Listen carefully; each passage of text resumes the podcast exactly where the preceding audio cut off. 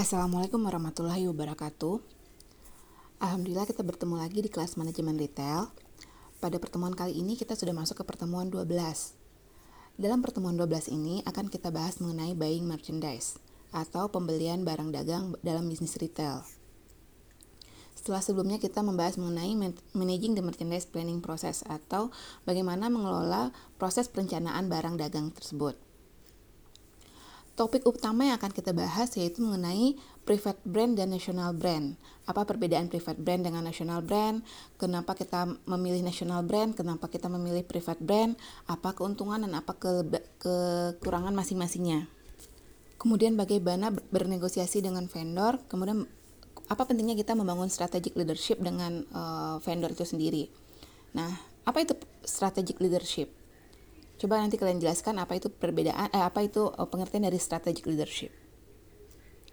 Kita masuk ke pembahasan pertama itu mengenai uh, private brand dan national brand.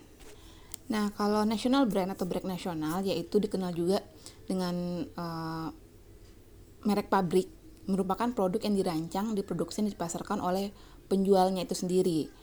Misalnya Unilever, Unilever uh, pokoknya penjual-penjual yang uh, langsung menggunakan brandnya sendiri.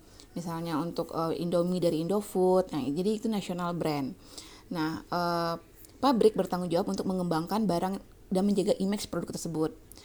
Uh, dengan membeli merek nasional pembeli dapat membantu dalam hal menjaga image toko.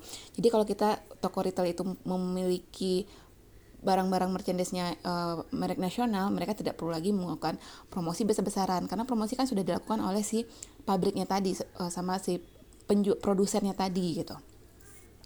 Nah berbeda dengan uh, private brand atau uh, barang uh, private private label. Seringkali itu private label itu dipandang kualitas kelas kedua oleh konsumen. Uh, jadi pengertian private label itu adalah segala jenis merek yang dijual retailer atau distributor dan hanya tersedia di outlet peritel saja. Produk tersebut mempunyai spesifikasi khusus yang telah ditentukan oleh peritel. Nah, private label juga dikenal dengan store brand, private label branding, private label goods, on label, house brand. Misalnya itu kalau untuk eh, barang-barang di Indomaret ada mereknya Indomaret atau Alfamart atau untuk di uh, Jogja itu ada mereknya YOA YOA atau merek-merek tertentu yang cuma dijual di uh, peritel itu sendiri. Nah, untuk Pekombo sendiri saya masih kurang punya banyak informasi apakah ada uh, toko-toko retail tersebut memiliki private brand atau enggak. Jadi di private brand ini si peritel tadi membeli barang tersebut dalam jumlah banyak. Jadi misalnya barang curahan mereka beli misalnya uh, dari langsung dari pabrik tanpa merek, mereka memberikan merek sendiri dan itu menjadi label mereka sendiri. Uh, sampai di sini bisa memahami apa perbedaan dari private brand dengan national brand. Nah, kemudian kenapa peritel lebih memilih uh, menggunakan private brand? karena private brand menjadi pilihan bagi operator yang ingin menerapkan uh, low cost strategi. Jadi kan barang-barang tersebut dibeli dengan jumlah banyak itu harganya lebih murah, mereka packing sendiri uh, dan sehingga konsumen pun mempersepsikan barang-barang private brand tadi sebagai produk dengan kualitas yang lebih rendah dibandingkan dengan national brand dan merek lainnya. Atau misalnya dengan Indomie, uh, merek Indomie pasti uh, udah dikenal banyak sama masyarakat. Nah, andai kata si Alfamart atau Indomaret tadi menggunakan produk mie dengan merek mereka sendiri, apakah masyarakat akan menerima mie tersebut dengan baik? Sampai saat ini juga untuk skripsi-skripsi, uh, topik skripsi uh, mahasiswa yang saya tahu belum ada membahas mengenai private brand dan label brand. Uh, mungkin uh, eh, private brand dan national brand. Mungkin karena uh, di Payakumbuh masih kurang uh, penggunaan private brand ini. Saya juga belum belum melakukan survei dan belum melakukan observasi di toko-toko retail di Payakumbuh apakah ada produk retail dengan private brand di Payakumbuh. Nah, Levi mengkategorikan private brand itu ada ada dengan empat kategori. Ada private brand premium, copycat, eksklusif brand, dan generic brand. Nah, untuk uh, kategori premium ini, uh, merek merek premium menawarkan private label yang bisa dibandingkan dengan uh, merek pabrik. Akan tetapi biasanya dengan harga yang relatif lebih murah merek premium berusaha untuk menyerupai atau melebihi standar dari merek pabrik tersebut. Itu untuk uh, kategori uh, premium. Nah, untuk kategori uh, copycat, merek copycat adalah tiruan tiruan persis dari merek pabrik dalam hal desain dan kemasannya.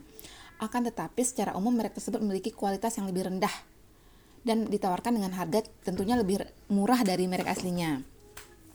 Nah, merek copycat ini berisiko tinggi karena bisa melanggar uh, hak uh, apa namanya?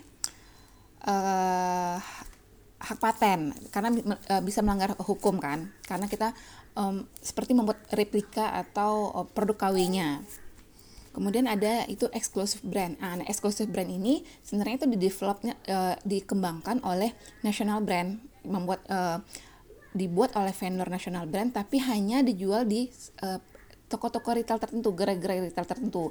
Jadi misalnya produk uh, A ini cuma ada di toko retail uh, X misalnya seperti itu, itu eksklusif brand. Kemudian ada namanya generic brand. Nah, generic brand ini adalah uh, target segmennya uh, pada generic brand ini uh, memiliki target segmen yang sensitif terhadap harga, menawarkannya dengan harga diskon. Merek ini juga dikenal sebagai merek generik. Biasanya merek ini banyak dijumpai di apotik, toko grosir, dan toko diskon. Merek ini cenderung memiliki positioning sebagai merek dengan kualitas rendah meskipun sebenarnya tidak selalu demikian. Nah, uh, sampai di sini kalian pernah tidak membeli barang uh, barang-barang private brand uh, yang pernah ada misalnya saya nggak tahu di Pekompu tadi kan saya pernah nggak beli dan bagaimana tanggapan kalian membeli uh, produk private brand tersebut. Kemudian kita bandingkan uh, memilih national brands atau private brand. Nah dari loyalitas toko, lo, lo, loyalitas pelanggan, uh, national brand ini tergantung tergantung dari kualitasnya si national brand tadi. Jadi tergantung sirkumtasinya. Nah kalau private brand ini, kalau kita udah uh, apa udah men, udah dapat loyalitas pelanggannya pelanggannya bakal ke kita terus karena ya barang barang kita cuma ada di kita jadi ketika pelanggannya udah loyal uh, loyal terhadap produk tersebut tentunya dia loyal terhadap tokonya nah berbeda dengan uh, national brand misalnya kalian udah loyal uh, makan indomie produk Indo, mie, uh, mie instan itu adalah Indomie. Nah, bisa aja kan beli Indominya di toko, di toko retail mana pun. Jadi store loyaltinya tadi belum tentu dapat tergantung si uh, bagaimana strategi toko-toko tadi untuk me, untuk orang tetap ber, uh, datang ke toko retail tersebut. Nah kalau private label brands ini kalau barangnya itu udah uh, ada di hati konsumennya ke mana uh, ke mana pun dia bakal perginya ke toko kita aja karena barang tersebut cuma ada di toko kita gitu. Jadi store untuk store loyaltinya private private bell private brand uh, lebih bagus. Kemudian uh, kalau dari store image sama-sama uh, national brand itu memberikan image positif untuk uh, si toko tadi dia barangnya barang yang dijual itu barang nasional yang uh, ke mana pun kita pergi kita mau pergi ke Bali ke Papua barang Indomie tetap ada di mana pun. Nah kalau untuk private label brand image-nya bagus ya tetap memberikan image positif kepada si toko tadi. Termasuk untuk traffic flow-nya bagaimana uh, traffic dari pen, uh, arus penjualannya tadi sama-sama uh, memberikan keuntungan bagi pada bagi retailer uh, baik private uh, label maupun national brand. Untuk selling dan promotion expense, uh, national brands memberikan keuntungan lebih karena kita nggak perlu mengeluarkan uang untuk uh, promotion untuk biaya promosi dan biaya penjualan lagi. barang-barang uh, nasional tadi kan udah ada uh, iklannya secara global gitu ya. Iklan misalnya udah diiklankan di media massa di TV dan segala macam. Berbeda dengan barang private label tadi. Orang kadang nggak nggak tahu ini oh ini produk mana kita nggak tahu. Apalagi di sekarang masyarakat memikir uh, untuk memilih memilih suatu brand itu mikir lagi ini oh, barangnya benar nggak ya? Kandungannya baik nggak ya? Apalagi untuk makanan ya kandungannya baik. Komposisinya udah benar nggak? Karena udah terlalu banyak informasi yang didapatkan oleh masyarakat terhadap barang-barang yang uh, harga rendah itu takutnya ada kandungan yang berbahaya gitu. Nah, untuk restriction itu maksudnya uh, larangan atau batasan. Misalnya kalau kayak ada kasus kemarin yang uh, Turki memboikot produk-produk Prancis. Nah, bisa jadi nanti uh, produk ini diboykot. Jadi tidak menguntungkan untuk peritel kalau tiba-tiba produk nasional brand tadi diboykot. Berbeda dengan produk-produk private brand tadi. Uh, lebih lebih uh, jarang jarang ada orang untuk ngeboykot produk dari uh, label kita sendiri gitu. Kemudian differential advantage keuntungan dari diferensiasi produk kalau national brand produk kita kan nggak ada diferensiasi nah kalau private brand produk kita lebih banyak uh, melakukan diferensiasi misalnya dari ukuran uh, jenis ukuran uh, macam-macam jenisnya.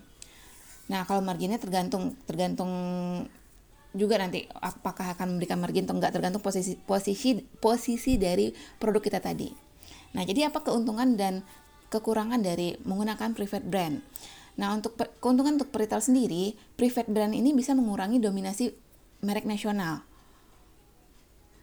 Kemudian bisa um, menciptakan ketergantungan konsumen kepada retail. Jadi kalau kita punya produk private brand dan produk tersebut kita menjual minyak goreng, minyak goreng kita tuh nggak kalah produknya dengan produk produk nasional, misalnya kayak Bimoli. Uh, harganya jauh lebih murah, sehingga konsumen itu tergantung pada kita. Konsumen bakal terdatang terus kepada kita, dan itu menguntungkan kan menciptakan store loyalty kemudian bisa meningkatkan penjualan. Kemudian sebuah uh, kesempatan untuk strategi diferensiasi dan menyediakan berbagai pilihan yang beragam bagi konsumen. Kemudian bisa mem membangun image yang positif. Dan kita bebas mengatur pricing strategi. Nah, kalau untuk produk nasional, ya harganya itu udah ditetapkan sama vendor, kita nggak bisa mematok harga terlalu tinggi dan atau mematok harga terlalu rendah. Karena dalam toko retail itu persaingan harga sangat ketat benar begitu benar begitu bukan ya kemudian dari uh, keuntungan dari segi pemasok uh, itu menutup peluang pesaing. Jadi misalnya uh, kalian mengambil produk misalnya lagi itu uh, mie tadi kalian ambil langsung dari uh, apa namanya? Dari pabriknya. Kemudian uh, kalian menggunakan kalian packing sendiri menggunakan uh, private label sendiri si pemasok itu menutup peluang peluang persaingan. Jadi ya bebas siapa aja yang mau ini kan yang yang mau um, mengambil mengambil kesempatan tadi. Jadi menutup peluang pesaing uh, karena merek-mereknya itu ya merek-merek si private label tadi gitu. Kemudian pemasok dapat memasuki pasar dengan biaya rendah karena nggak perlu lagi dia mempacking barangnya mau melakukan promosi uh, melakukan sosialisasi terhadap barang-barang brandnya tadi national brand tadi gitu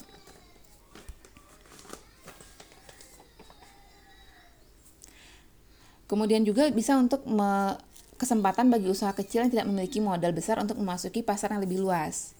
Kemudian memperoleh lebih banyak ruang dalam uh, tempat-tempatnya si uh, apa namanya toko retail tadi, keuntungan bagi pemasok.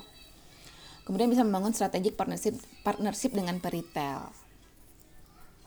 Jadi ketika kita ya kita memasukkan barang. Tadi misalnya kita beli tisu tisunya kita beli kiloan kita beli tisu 100 kilo. Ya kita bangun strategic partnership dengan peritel tadi. Dan bagaimana kita membuat uh, strategic relationship dalam jangka panjangnya dengan si pemasok kita tadi itu. Nah berikutnya itu keuntungan untuk konsumen harga yang lebih rendah untuk kualitas yang setara dengan produk lain. Misalnya kayak tisu. Saya pernah itu beli tisu merek uh, di Jog di Yogyakarta kalau nggak salah di Yogyakarta um, Mark merek Yoa itu. Awalnya saya mikir ini tisunya bakal kasar dan uh, ya nggak enak lah dipakai apalagi facial tisu ya. Tapi karena waktu itu tergiur harganya murah udah beli aja lah. Karena untuk produk-produk private brand itu biasanya sering uh, diskon. Nah ketika saya coba oh ya uh, barangnya tuh hampir sama dengan merek-merek uh, Paseo dengan merek Tesa gitu jadi keuntungan bagi kita private brand menggunakan uh, eh, bagi kita konsumen menggunakan private brand harga lebih rendah untuk kualitas yang setara dengan produk lain. Kemudian pilihannya lebih banyak. Nama retail yang terpercaya sama dengan kepercayaan terhadap produk. Kalau kita percaya terhadap retail tersebut ya kita uh, percaya terhadap produknya. Misalnya kalian baru buka bisnis retail. Nama kalian belum dikenal sama masyarakat. Kemudian kalian buat uh, produknya dengan merek kalian sendiri belum tentu ini bakal laris dengan produk uh, setara dengan Indomaret atau Alfamart atau dengan Jogja tadi atau dengan Carrefour. Biasanya toko-toko hypermart besar itu dia mereka punya uh, barang mereka mereka sendiri. Kemudian bisa sebagai pengganti produk lain yang habis persediaannya. Kemudian tadi kita membahas ke keuntungan private brand. Kemudian apa kerugian dari private brand? Kerugiannya itu kalau bagi peritel, standarisasi yang tidak seragam di antara kategori produk private label memunculkan perasaan negatif dari konsumen. Uh, kalau yang saya agak kapok beli waktu itu ya saya nggak tahu sekarang dia udah memperbaiki produknya atau belum itu tisu-tisu dari Indomaret dan Alfamart. Waktu itu saya membelinya itu kasar. Saya nggak tahu sekarang apakah sudah berubah atau tidak uh, karena barang yang tadi kan tidak terstandarisasi belinya curah dari uh, pemasok besar pabrik besar kemudian uh, quality kontrolnya juga nggak sebagus barang national brand nah jika nanti kalian misalnya ada kesempatan membuka toko retail dan retailnya cukup besar dan ingin membuat private brand sendiri, tetap perhatikan kualitas. Uh, ada apa namanya uh, standar kualitasnya gitu. Kemudian peritel dapat dipersepsikan sebagai less powerful in marketplace karena tidak mempromosikan merek-merek yang sudah ternama. Kalau kalian buat toko retail, kalian buat namanya sendiri, ya kayak nggak punya ini ya, nggak punya powerful di marketplace. Kok nggak kok nggak jual-jual uh, produk-produk nasional yang udah dikenal banyak oleh masyarakat yang yang mana kalau kita menggunakan produk-produk tersebut ya orang akan menilai toko kita lebih bagus gitu Kemudian fokus yang berlebihan terhadap private brand juga merupakan kerugian karena kita menghabiskan banyak uh, waktu atau uh, apa nih fokus kita tuh ke private label. Karena kita kan juga harus menyeimbangkan antar private label dengan national brand tadi. Kemudian harga yang rendah dipersepsikan dengan kualitas yang rendah. Uh, kalau misalnya kita bisa menjamin kualitas produk kita itu bagus dan masyarakat atau konsumen itu meyakinkan produk kita kualitasnya bagus, kita bisa nanti me mengatur uh, harganya itu dengan lebih baik. Kemudian uh, kurangnya dukungan finansial da finansial dari permasok. Karena biasanya kalau kita menggunakan national brand kan uh, kita bisa kayak ngutang dulu sama si uh, supplier kita. Kita um, kita pesan Indomie satu ton. Uh, kita bisa nanti bayarnya uh, dengan sistemnya tuh nggak langsung cash. Nah, kalau kita membeli barang uh, apa namanya? barang kulakan yang sekali banyak yang uh, ke pabrik ke pabrik uh, mie misalnya atau ke pabrik tepung atau ke pabrik gula, itu kita langsung bayar cash saat itu karena kita kan uh, orangnya juga nggak mau ngambil resiko kalau produk kita nggak laku nanti gimana gitu. Jadi kurangnya dukungan finansial dari pemasok. Nah, jika produk private label gagal atau tidak berhasil memuaskan konsumen, kecil kemungkinan mereka akan membeli produk private label yang lain. Karena udah kepikiran uh, produk private label dari uh, toko retailnya itu gak, udah udah gagal gitu. Jadi mungkin di toko lain juga bakal kayak gitu. Jadi ini adalah kerugian untuk si retail sendiri. Nah, kalau kerugian untuk pemasok, uh, hubungan dengan retail dapat terganggu jika produk tidak berkualitas misalnya tadi kalian beli tepung, beli tepung oh, 100 kilo untuk kalian jual lagi di toko retail kalian. Ternyata tepungnya tadi tuh nggak sesuai dengan uh, ekspektasi konsumen. Uh, ya gimana gitu hubungan dengan retail dapat terganggu kan jika produk yang tidak berkualitas tadi. Mungkin untuk nextnya nggak order ke sana lagi dan uh, gimana gitu hubungannya dengan pemasok. Terus bisa jadi menciptakan kompetitor yang mengancam produk yang mereka pasarkan. Kemudian pemasok lain mungkin menawarkan harga private label yang lebih rendah sehingga memaksakan keuntungan lebih rendah. Ada lagi biaya penyimpanan yang tinggi dan margin keuntungan yang rendah. Jadi kalau kita menggunakan private label, kita akan membeli barang tersebut banyak untuk kita packing lagi, kita perlu uh, ada apa namanya? gudang, perlu ada gudang dan itu perlu biaya handling cost, ada biaya gudang, ada biaya penyimpanannya itu. Nah, berbeda kalau kita pakai national brand yang produknya itu uh, misalnya sudah di di set sama distribution centernya. Jadi setiap uh, satu minggu mereka ngantarkan atau setiap barangnya sudah mencapai reorder point baru barang tersebut diantarkan. Jadi nggak perlu kita menggunakan gudang yang terlalu besar. Nah, kira-kira itulah keuntungan dan kelema, kerugian kita menggunakan uh, private label. Nah, untuk national brand tadi kan keuntungannya udah jelas. Kita nggak uh, perlu lagi melakukan uh, promosi, barang yang sudah dikenal dengan masyarakat. Uh, dan pasti untuk loyalitas uh, produknya orang mungkin udah, loyal tapi untuk loyalitas tokonya tergantung bagaimana strategi toko kita untuk orang datang-datang terus ke kita karena yang menjual national brand itu kan banyak gak cuma kita saja Uh, kemudian yang perlu kita bahas lagi itu bagaimana strategi bernegosiasi dengan vendor untuk mendapatkan uh, baik itu pemasok dari national brand maupun private brand. Nah, untuk strategi dari vendor itu kalian sudah belajar itu di kelas komunikasi bisnis bagaimana uh, uh, tips dari uh, efektif negosiasi negosiasi yang efektif uh, pilihlah tempat yang baik untuk uh, bernegosiasi kemudian uh, lihat dulu oh, vendornya itu bagaimana kemudian uh, apa saja produk yang uh, ditawarkan oleh si vendor tadi yang dimiliki oleh vendor tadi dan bagaimana tipe dari ne negosiatornya gitu penegosiasinya itu. Kemudian uh, pro jadi profesional gitu. Misalnya kita ketemu dengan uh, vendor dan ketika bernegosiasi itu ternyata orang itu punya masalah internal dengan kita. Tetap profesional kita kita bernegosiasi. Kemudian jauhi asumsi dalam bernegosiasi jadi untuk uh, negosiasi uh, saya uh, bahas lebih detailnya. Kemudian bagaimana apa itu strategic relationship? Uh, strategic relationship itu uh, bagaimana komitmen dari retailer sama uh, vendor dalam memaintain hubungannya, relationshipnya dalam jangka panjang. Dan uh, menginvestasikan keuntungan yang saling menguntungkan dalam jangka panjang itu itu strategic relationship jadi keuntungannya nggak cuma dalam satu kali dua kali transaksi tapi dalam jangka panjang sama-sama ada keinginan untuk um, yang si toko retail mengembangkan toko retailnya dan si vendor itu lebih meningkatkan penjualannya juga Kemudian kita masuk tentang uh, legal, ethical dan social responsi uh, isu social responsibility dalam uh, pembelian barang dagang. Misalnya dengan syarat dan ketentuan pembelian. Bagi apa saja syarat dan ketentuan pembelian barang barang kita. Kemudian pemeliharaan harga jual kembali, resale price maintenance. Kemudian masalah commercial bribery atau uh, ya semacam suap gitu.